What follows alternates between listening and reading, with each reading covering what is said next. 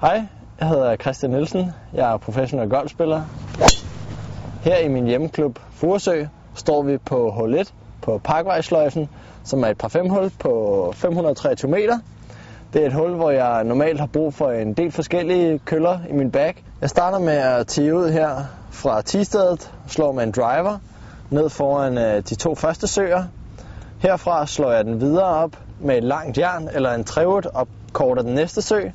Og herfra slår jeg med en wedge ind på green og forhåbentlig tæt på hullet, så jeg kan putte den i for en birdie.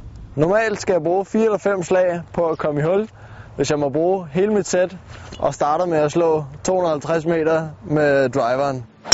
Men øh, hvor mange slag tror I, det vil tage mig, hvis jeg udelukkende må bruge en gammeldags potter og lade resten af sættet stå her på tistedet?